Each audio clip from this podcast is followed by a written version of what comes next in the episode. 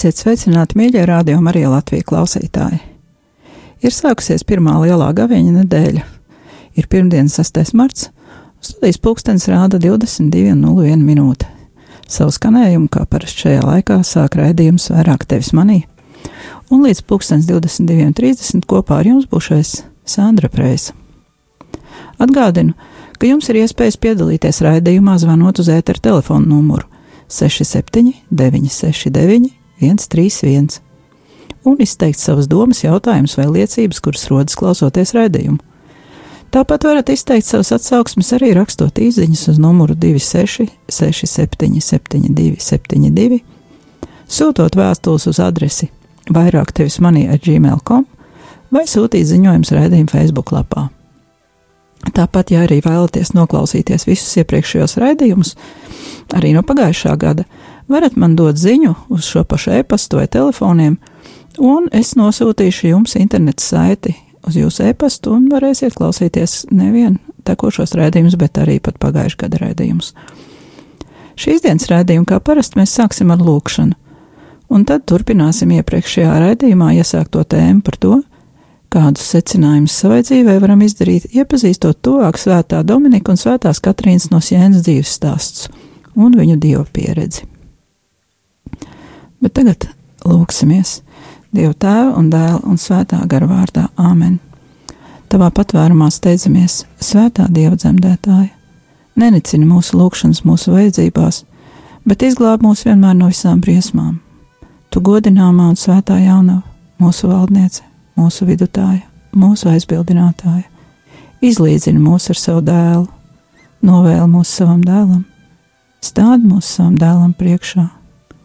Lūdz par mums, svētā Dieva dzemdētāja, lai mēs Kristus solījumu cienīgi topam.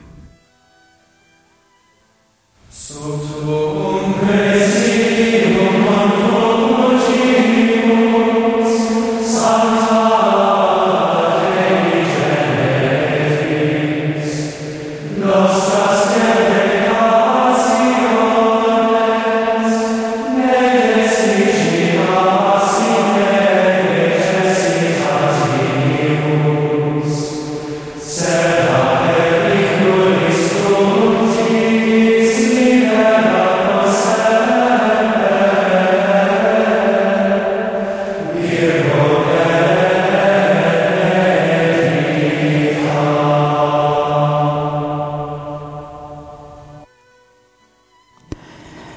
lūdzās Dominikāņu brāļi to pašu lūgšanu, ko mēs tavā patvērumā. Mīļie klausītāji, atgādinu tiem, kuri varbūt tikko ieslēdz radio, ka skan radio Marija Latvija un raidījums vairāk tevis manī. Studijās mēs Sandra Preisa, un šovakar turpināsim veidot kopsavilkumu par materiālu, kur iepazinām janvāra un februāra raidījumos. Pagājušā raidījumā runājām par līdzībām un atšķirībām divu lielu dominikāņu svēto dzīves dievu pieredzēs. Šodien mēģināsim saprast, kādas tad ir šādas pieredzes sekas un kā vispār var atpazīt, ka tas ir Dievs, kur esam pieredzējuši savā lūkšanās un savā dzīvē.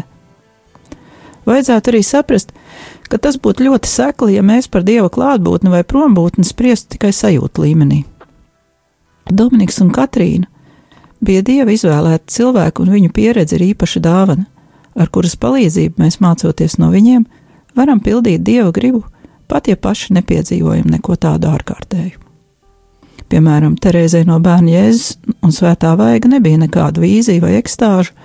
Viņa dažreiz pat misijas laikā aizmiga, bet savā pazemības un paklausības pilnajā dzīvē viņa no Dieva saņēma tik daudz, ka viņas mācība ir atzīta par baznīcas doktors cienīgu. Šeit ir jāpaskaidro, ka tam, ko attiecībā uz Katrīnu no Sienas dēvē par ekstāzi, nav nekāda sakara ar sakāpinātām izjūtām, ar sajūsmu vai kaut ko citu, kas būtu saprotam, saprotams sajūta līmenī.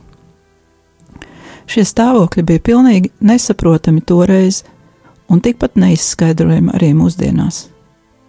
Acu liecinieki stāsta, ka viņas miesa kļuvusi pilnīgi balta un viņa sastingusi tā, ka nebija izkustināma. Kad viņas māte pirmo reizi ieraudzīja Katrīnu šādā stāvoklī, viņa pārbijās un mēģināja izkustināt Katrīnas roku, taču tas neizdevās. Kad Katrīna atkal atgriezās sajūta pasaulē, viņai ilgāku laiku sāpēja plecs, kur māte mēģinot izkustināt roku, bija gandrīz izmežģījusi. Tā raksta viņas biogrāfs Rēmons no Kapujas.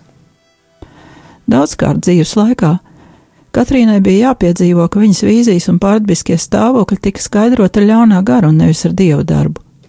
Tāpēc, neskatoties uz daudziem brīnumiem, viņas beatifikācija nenotika tik ātri kā citiem svētajiem, kā piemēram mazajai Terēzai, kurai šādu pārdzīvojumu vai piedzīvojumu nebija. O, jo baznīcai bija nepieciešams savākt pietiekami daudz pierādījumu, ka tas, ko piedzīvoja Katrīna, un redzēja daudz apkārtējie cilvēki, tiešām bija no dieva. Līdzīgi ir arī ar Avilas Terēzes un citu svēto mācībām. Šeit nekas nenotiek sajūta līmenī. Savukārt sajūta trūkums nenozīmē, ka Dievs ir tālu. Mēs neko nevaram nopelnīt vai piesaukt vai paši paņemt ar kaut kādu vingrinājumu palīdzību, bet sajūtas mūs drīzāk pieviļ nekā dod patiesas zināšanas. Šīs lielo svēto pieredzes vienmēr ir dāvāns no augšienes, un tādas var tikai saņemt. Protams, ka šajā gadījumā rodas dabisks jautājums, bet kam tad lūkšanas, gavēnis, tikuma izkopšana, labie darbi un viss pārējais, ko māca baznīca? Tas ir gavēņa laikam ļoti piemērots jautājums. Un līdzīgi kā tad, kad zemnieks uzvar lauku un sagatavo to sēklas uzņemšanai, bet sējais ir Dievs.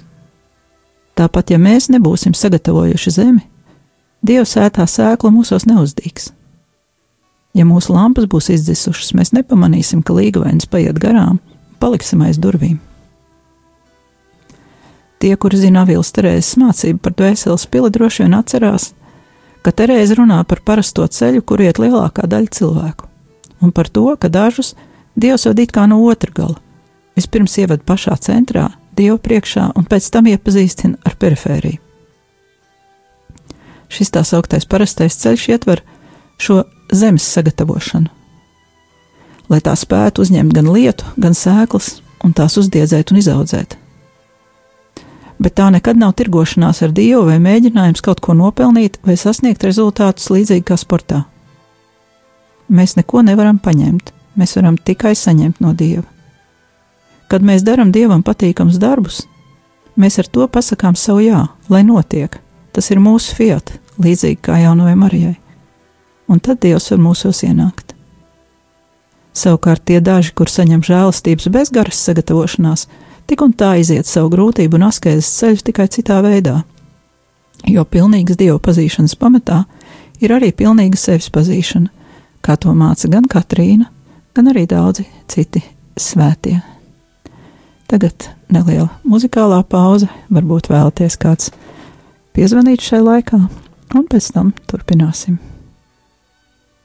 Kungs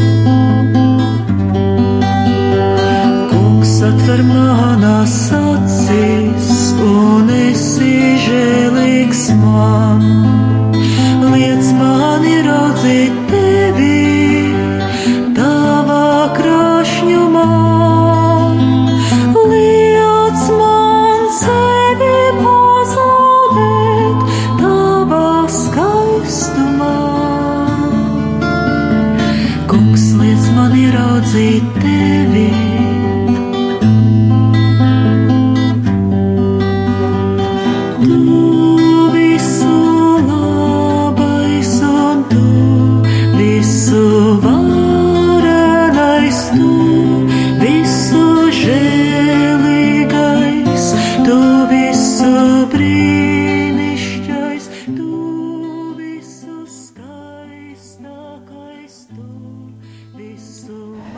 klausītāji, mums ir kāds cilvēks piezvanījis un vēlas dalīties ar mums savā liecībā. Tā kā dodam vārdu zvanītājiem. Lūdzu, zvanītājs. Uh, labu vakar visiem! Uh, esmu Antra no Liepājas un esmu arī Lai Dominikāņu ordeņa māsa, gluži tāpat kā Sandra. Un um, klausoties jau vairāku mēnešu garumā, es pat nezinu, Sandra, cik ilgi jau iet šie raidījumi tavējiem, gads jau vai nebūs jau, ja? Uh, sāka, nu, nenāca, nonāca nejauši pie tādas vienas atziņas um, saistībā ar mazo Terēzi un ar Sienas Katrīnu. Uh, kaut kad agrāk nekad nebija aizdomājusies līdz, līdz, līdz šādai, nu, tādai, tā kā tādai nelielai garīgai atklāsmei. Uh, mans uh, ticības ceļš aizsākās 90. gadu, nu, jāteic, sākumā. 93. gads un pirms atcerējums uz Aglonu, un tajā laikā jau, protams, mēs tikai sākās garīgā atjaunotne Latvijā un, un nebija arī nekādas īpašas garīgās pieredzes, kur nu vēl par tādiem, tādiem mistiķiem. Un um, mans garīgais ceļš iesākās ar uh, pirmo iepazīšanos ar mazo Terēzi no bērnu Jēzus. Un atceros, tajā laikā bija ļoti populāras, uh, gan jau tāpat kā šobrīd, Ligits kursīšas dziesmas, un, un kaut kā iesēdās atmiņā, ka toreiz ļoti Eh, ļoti liepājas meitenēm un, un arī, arī Rīgas, eh, teiksim, tādai, tādai pirmajām, pirmajām sēcimnieku pieredzēm bija, ka bija ļoti populāra dziesma ar Terēzijas vārdiem vēlos vientuļ atstāt būt tevi, lai neatceros mierināt vai priecināt spētu. Un, un atceros, ka tajā laikā daudz mēs, mēs domājam, runājam par to, ka mums eh, jāieiet šajā nu, iekšējā cēlē, mums ir jāaiziet prom no pasaules, un viss, kas ir pasaulē, tas noteikti mums ir kaitīgs, un, un, un, un maz drusciņi arī tāda, nu, ar šīs dienas pieredzi, gribētu teikt, varbūt arī tāds maz drusciņi tāds, tāds, tāds neīst, neīst identitāte, kristieša identitāte, tika tajā laikā veicināta.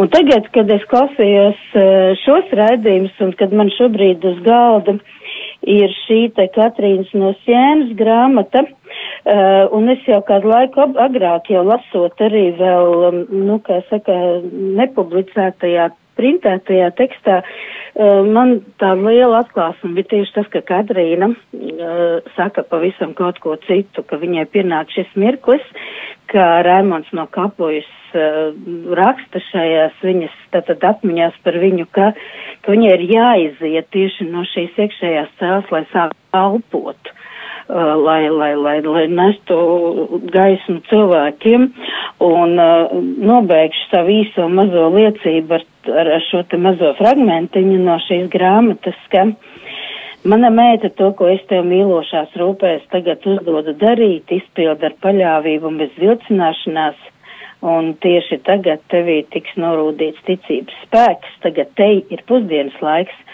un tavi ļaudis jau ir sasēdušies ap galdu, tā viņai teica Kristus. Un tātad man maz neliela tāda, tāda atkāpīta, es absolūti šeit nedomāju konfrontēt vai kaut kā pretstatīt garīgums, vienkārši tā ir mana personiskā atklāsme par to, ka, nu jā, kad, kad ir savs laiks, kad mums ir jārunā nevis par Dievu, bet ar Dievu, un savs laiks, kad noteikti mums ir, mēs tiekam sūtīti, tāpat kā Dominiks, mēs tiekam izsūtīti pa, pa divi, pa trim lai tad, lai tad dotu to, to savu pieredzi, lai dotu tālāk. Paldies, Sandra, par šiem raidījumiem un patiešām visiem, visiem svētīgu šo gavēņa un tādu sevis un dieva tuvāk iepazīšanas laiku sveiciens no putiņojošās liepājas. Jā, paldies, paldies, Andra, par zvanu.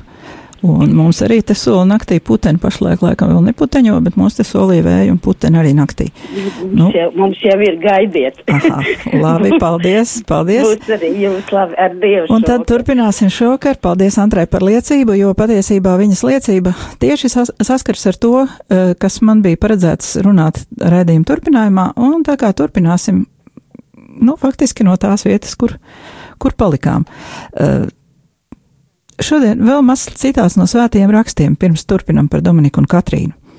Svētie raksti šodien saka, ka garu pazīst pēc augļiem, un e, nolasīšu fragmentu no Mateja evaņģēlija. E, pilns fragments ir no 25. nodaļas 31. 46. pāns, bet es nolasīšu tikai mazu daļiņu. Tad karalis sacīs tiem, kas būs viņam pa labai rokai: Nāciet, mana tēva svētītie, un iemantojiet valstību, kas jums sagatavota no pasaules radīšanas. Jo es biju izsalcis, un jūs man devāt ēst. Es biju izslāpis, un jūs man devāt padzerties. Es biju svešinieks, un jūs man uzņēmāt. Es biju kails, un jūs man apģērbāt. Es biju slims, un jūs man apraudzījāt, es biju cietumā, un jūs man apmeklējāt. Tad taisnīgie viņam atbildēs sacīdami: Kungs, kad mēs esam redzējuši tevi izsalkuši un devuši tev ēst, vai izslāpuši un devuši tev dzert. Un kad esam redzējuši tevi kā svešinieku un uzņēmuši, vai kailu un tevi apģērbuši. Un kad mēs esam redzējuši tevi slimu vai cietumā un tevi apmeklējuši. Un karalis atbildot viņam sacīs: Patiesi, es jums saku, ko jūs esat darījuši vienam no maniem vismazākajiem brāļiem, to jūs esat man darījuši. Un tagad atgriezīsimies atpakaļ pie Dominika. Atcerēsimies, ka gan Dominiks, gan Katrīna nāca no ļoti ticīgām ģimenēm, un jau kopš bērnības pazina likumus un dzīvoja tajos. Iepriekš runājām arī, ka Dominiks savai misijai gatavojās diezgan ilgi - desmit gadu studijas un deviņi gadi kontemplatīvas lūkšanas klauzūras apstākļos, bet Katrīna savu dievu pieredzi un kontemplāciju izdzīvoja savas ģimenes mājās un daudz īsākā laika periodā. Tomēr viņu abu satiktā dieva vaipsti, kuri atklājas abu svēto dzīvēs, ir ļoti līdzīgi, un par to liecina arī viņu dzīves augļi. Interesanti, ka vienā brīdī it kā sajūg, vai vispirms bija tikuma izkopšana un pēc tam žēlastības vai otrādi, jo tā jau tas notiek šķīstītās dvēselēs. Izkopjot tikumus, mēs dodam dievam iespēju mūsos darboties, savukārt iepazīstot dievu ar vien tuvāk, mēs vairs nespējam apstāties labu darīt gan pateicības dēļ par saņemtajām dāvanām, gan arī tādēļ, ka arvien vairāk piedzīvojam savu nepilnību tā priekšā, kurš mūs aicina būt svētiem, kā viņš ir svēts. Un ja jau Dievs mūs uz kaut ko tādu aicina, tad tā ir iespējamā misija, jo Dievs nekad no mums neprasa neiespējamas lietas. Kādas tad bija sekas šai Dieva pieredzei Dominika un Katrīnas dzīvē? Dominiks pēc tam, kad bija ieraudzījis cilvēku postu, vispirms fizisko, bada un kara upurs, pēc tam garīgo, herēzes un neticība. Viņš nespēja palikt nos noslēgtībā, kontemplējot klusumais klosteru sienām. Savukārt Katrīna, kad bija saņēmusi dievu pazīšanas dāvanu, pa, paklausībā kungam atstāja savu vientulību, kā jau mēs dzirdējām arī Antras stāstā, atstāja savu vientulību, lai kalpotu iesākumā savai ģimenei, bet vēlāk gan nabagiem, gan baznīcas atjaunošanai. Taču tas nenozīmē, ka sākot aktīvo dzīvi, viņa mainīja savas iekšējās nostājas. Un tā vienkārši nomainīja kontemplāciju pret aktivitāti. Nē, viņa abi gāja līdzīgu un salīdzinoši smagu un neparastu ceļu. Visus savus darbus gan Dominiks, gan Katrīna balstīja dziļā kontemplācijā un paklausībā dievam, gan caur tiem norādījumiem, ko viņi saņēma lūgšanās no paša kunga, gan arī caur paklausību saviem priekšniekiem. Un tāpēc Dominiks pirms nāves varēja pateikt, ka viņam nav neuzklausīta lūkšana, bet Katrīna atzina, ka nekad nav bijusi nepaklausīga. Kā Raimons no Kapujas saka, viņa bija pazemības un paklausības mocekle, jo cilvēki nesaprata viņas īpašās dāvanas un vadīja viņu garīgajā dzīvē pa parastu cilvēku ceļu. Un tagad parunāsim mazliet jeb atcerēsimies, ko mēs lasījām par augļiem. Par augļiem, pēc kuriem mēs varam pazīt, ka tas tiešām ir bijis Dievs, kas darbojās Dominika un Katrīnas dzīvē, un par augļiem arī mūsu pašu iedrošinājumam, jo Dominiks un Katrīna nebija dievi un dieva dēli tādā nozīmē kā Jēzus Kristus, bet viņi bija spējīgi uh, dot tos augļus, kurus Dievs no mums visiem gaida. Tātad pirmais, ko mēs atceramies, šie Dominika vārdi es nevaru studēt no mirušām ādām, kad dzīvi cilvēki mirst badā. Viņš pārtrauca studijas un nevarēja vairs tālāk mācīties, jo pārdeva grāmatas, lai bada laikā izveidot labdarības virtuvi. Savukārt Katrīna, kad viņa saprata, ka kļūst tuvāka dievam, darot žēlsirdības darbus tuvākajiem, tad viņu nekas vairs nespēja apturēt. Dominiks ar lielu mīlestību pārlasīja un studēja Jāņa Kasjāna grāmatu Tuksneša tēva pamācības. Tajā norādītos ceļus uz dvēseles pestīšanu viņš centās iet ar visu savas dvēseles spēku, tā sasniedzot lielu sirdsapziņas tīrību, dziļu pazīšanu kontemplācijā un augstu likumisko pilnību. Katrīna nebija saistīta ar solījumiem ordenī, taču viņa dzīvoja tā, it kā būtu saistīta, un izpildīja visas prasības tik labi, cik vien iespējams dzīvot. Šķīstībā, dzīvot šķīstībā viņa bija apņēmusies kopš bērnības. Nabadzību uzņēmās brīvprātīgi, bet paklausību praktizēja, klausot Bikts tēvs un savas kopienas priekšnieci. Dominikam Dievs piešķīra retu dāvanu, raudāt par grēciniekiem, trūkumcietējiem un apspiestiem, kuru nelaimi viņš nesāja savas sirds iekšienes dziļākajā svētnīcā. Naktis viņš bieži pavadīja lūkšanās un piesauca tēvu aiz aizvērtām durvīm. Reizēm lūkšana no viņa mēdz izlausties skaļos vaidos un kliedzienos. Savukārt pēc Katrīnas doktrīnas mistiskās vienības ar Dievu īstumu pazīme ir tas, ka līdz ar augošo vienotību ar Dievu tādā pašā mērā attīstās arī tuvums un mīlestība uz līdzcilvēkiem. Dievu un tuvāk mīlestība nekādā gadījumā nevar būt šķirtas un nekādā gadījumā nav savā starpā konkurējošas, bet gan viena un tā pati mīlestība. Dominika aicinājums bija dibināt jaunu ordeni, kurš varētu kļūt par piemēru visai baznīcai ar savu evaņģēlisko nabadzību, dievu vārdu sludināšanu un dievu dziļu pazīšanu. Savukārt Katrīna savā kalpošanā iesaistīja pat ģimeni. Viņas tēvs atļāva viņai ņemt jebko, ko viņa saimniecībā atrod un atdot trūkumcietējiem, kā arī aizliedz mājiniekiem Katrīnai kaut kā traucēt. Un interesanti, ka māte, kura lika Katrīnai vislielākos šķēršļus iesākumā, pati pēc tam iestājās ordenī Katrīnas vadībā. Taču Dominika galvenā dāvana, kur viņš saņēma no dieva un bez kuras arī visām pārējām dāvanām nebūtu nekādas vērtības, ir neizmērojamā mīlestības dāvana, kura dienu un nakti viņu aicina uz pašaizliedzīgu dzīvi savu brāļu pestīšanas labā un padara viņu līdz pat asarām jūtīgu pret citu cilvēku ciešanām. Savukārt Katrīnai Jēzus kā iedrošinājumu saka, ka iet pie cilvēkiem nenozīmē kļūt remdenam un attālināties no Dieva, jo Katrīna bija nobijusies, ka šie žēlsirdības darbi un došanās pie cilvēkiem viņu varētu attālināt no Dieva. Viss ir atkarīgs no tā, kā mēs paši to darām. Vai mēs to darām ieklausīdamies Dievā vai paši savā spēkā. Jēzus Katrīnai saka, es taču nevēlos tevi sūtīt prom no sevis tieši pretēji. Mīlestību uz cilvēkiem tev vēl ciešāk saistīs pie manis. Šāds ir mans nolūks. Es esmu jums devis divus mīlestības baušļus, jums ir jāmīl mani un tuvāko. Lūk, šeit mēs redzam šo dievu vaigu, kā, kāds tas atklājas ar Katrīnas un Dominika Dio pieredzi.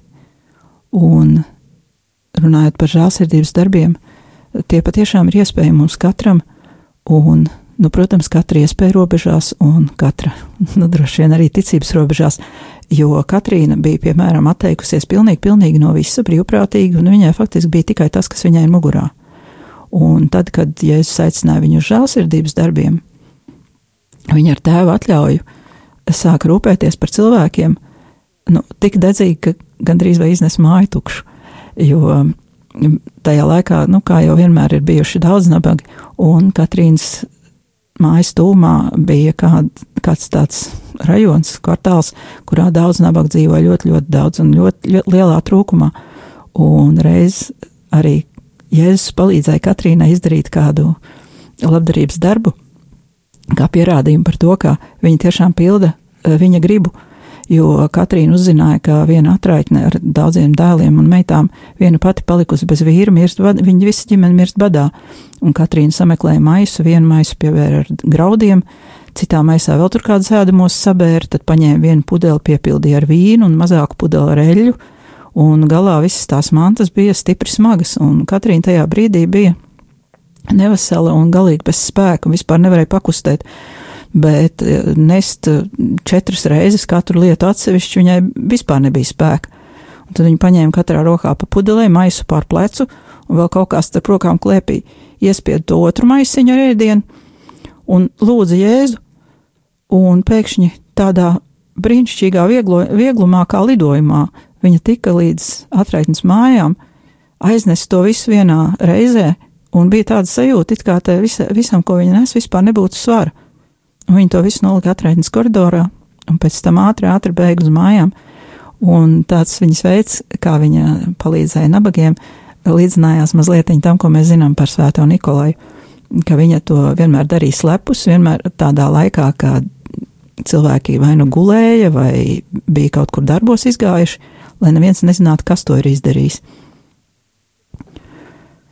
Un mēs redzam, ka šādi žēlsirdības darbi, lai gan tie varbūt katram cilvēkam ir atšķirīgi, bet tās ir tādas ārējas izpausmes, bet eh, tam nav nekāda sakara ar to, kas mēs esam, jo Dieva priekšā eh, dzimums ir tikai miesai, bet dvēselē dzimuma nav, un nepastāv atšķirības ne starp vīrieti, ne sievieti, ne starp bagātā, ne verga dvēselēm, un visu izšķir tikai mīlestība uz Dievu un uz tuvāko. Un šādu mācību mēs varētu ņemt gavēnim, vispirms no evaņģēlija, un pēc tam, kā mēs redzam no svēto dzīvēm, arī vienkārši to, ka tas ir iespējams ka tas ir iespējams un mēs varam šo mīlestību praktizēt, un mums nav jādara uzreiz liela varoņdarba, varbūt, bet sākt pamazām, pamazām tik, cik mēs jūtam, cik mēs spējam, un lūgt no Dieva spēku, jo, kā redzam, Katrīnai Dievs deva spēku pāri spēkiem tajā brīdī, kad viņa darīja Dievam patīkams darbus. Tas arī tas piemērs, ko mēs varam ņemt no svētajiem, šis iedrošinājums, ka dzīvot svētu dzīvi, tas nav nekas tāds pārmērīgi prasīts. Tas ir, tas ir tas, kas ir mūsu mērķis, tas ir mūsu aicinājums un mūsu cilvēciskā cieņa. Ar šo pozitīvo secinājumu šoreiz arī beigsim raidījumu. Izskan raidījums vairāk tevis manī. Ar jums kopā bija es, Sandra Preisa, bet raidījumu beigsim ar Dominikāņu brāļu, Svētā Dominika sekotāju, izpildītu antifonu Jaunavai Marijai.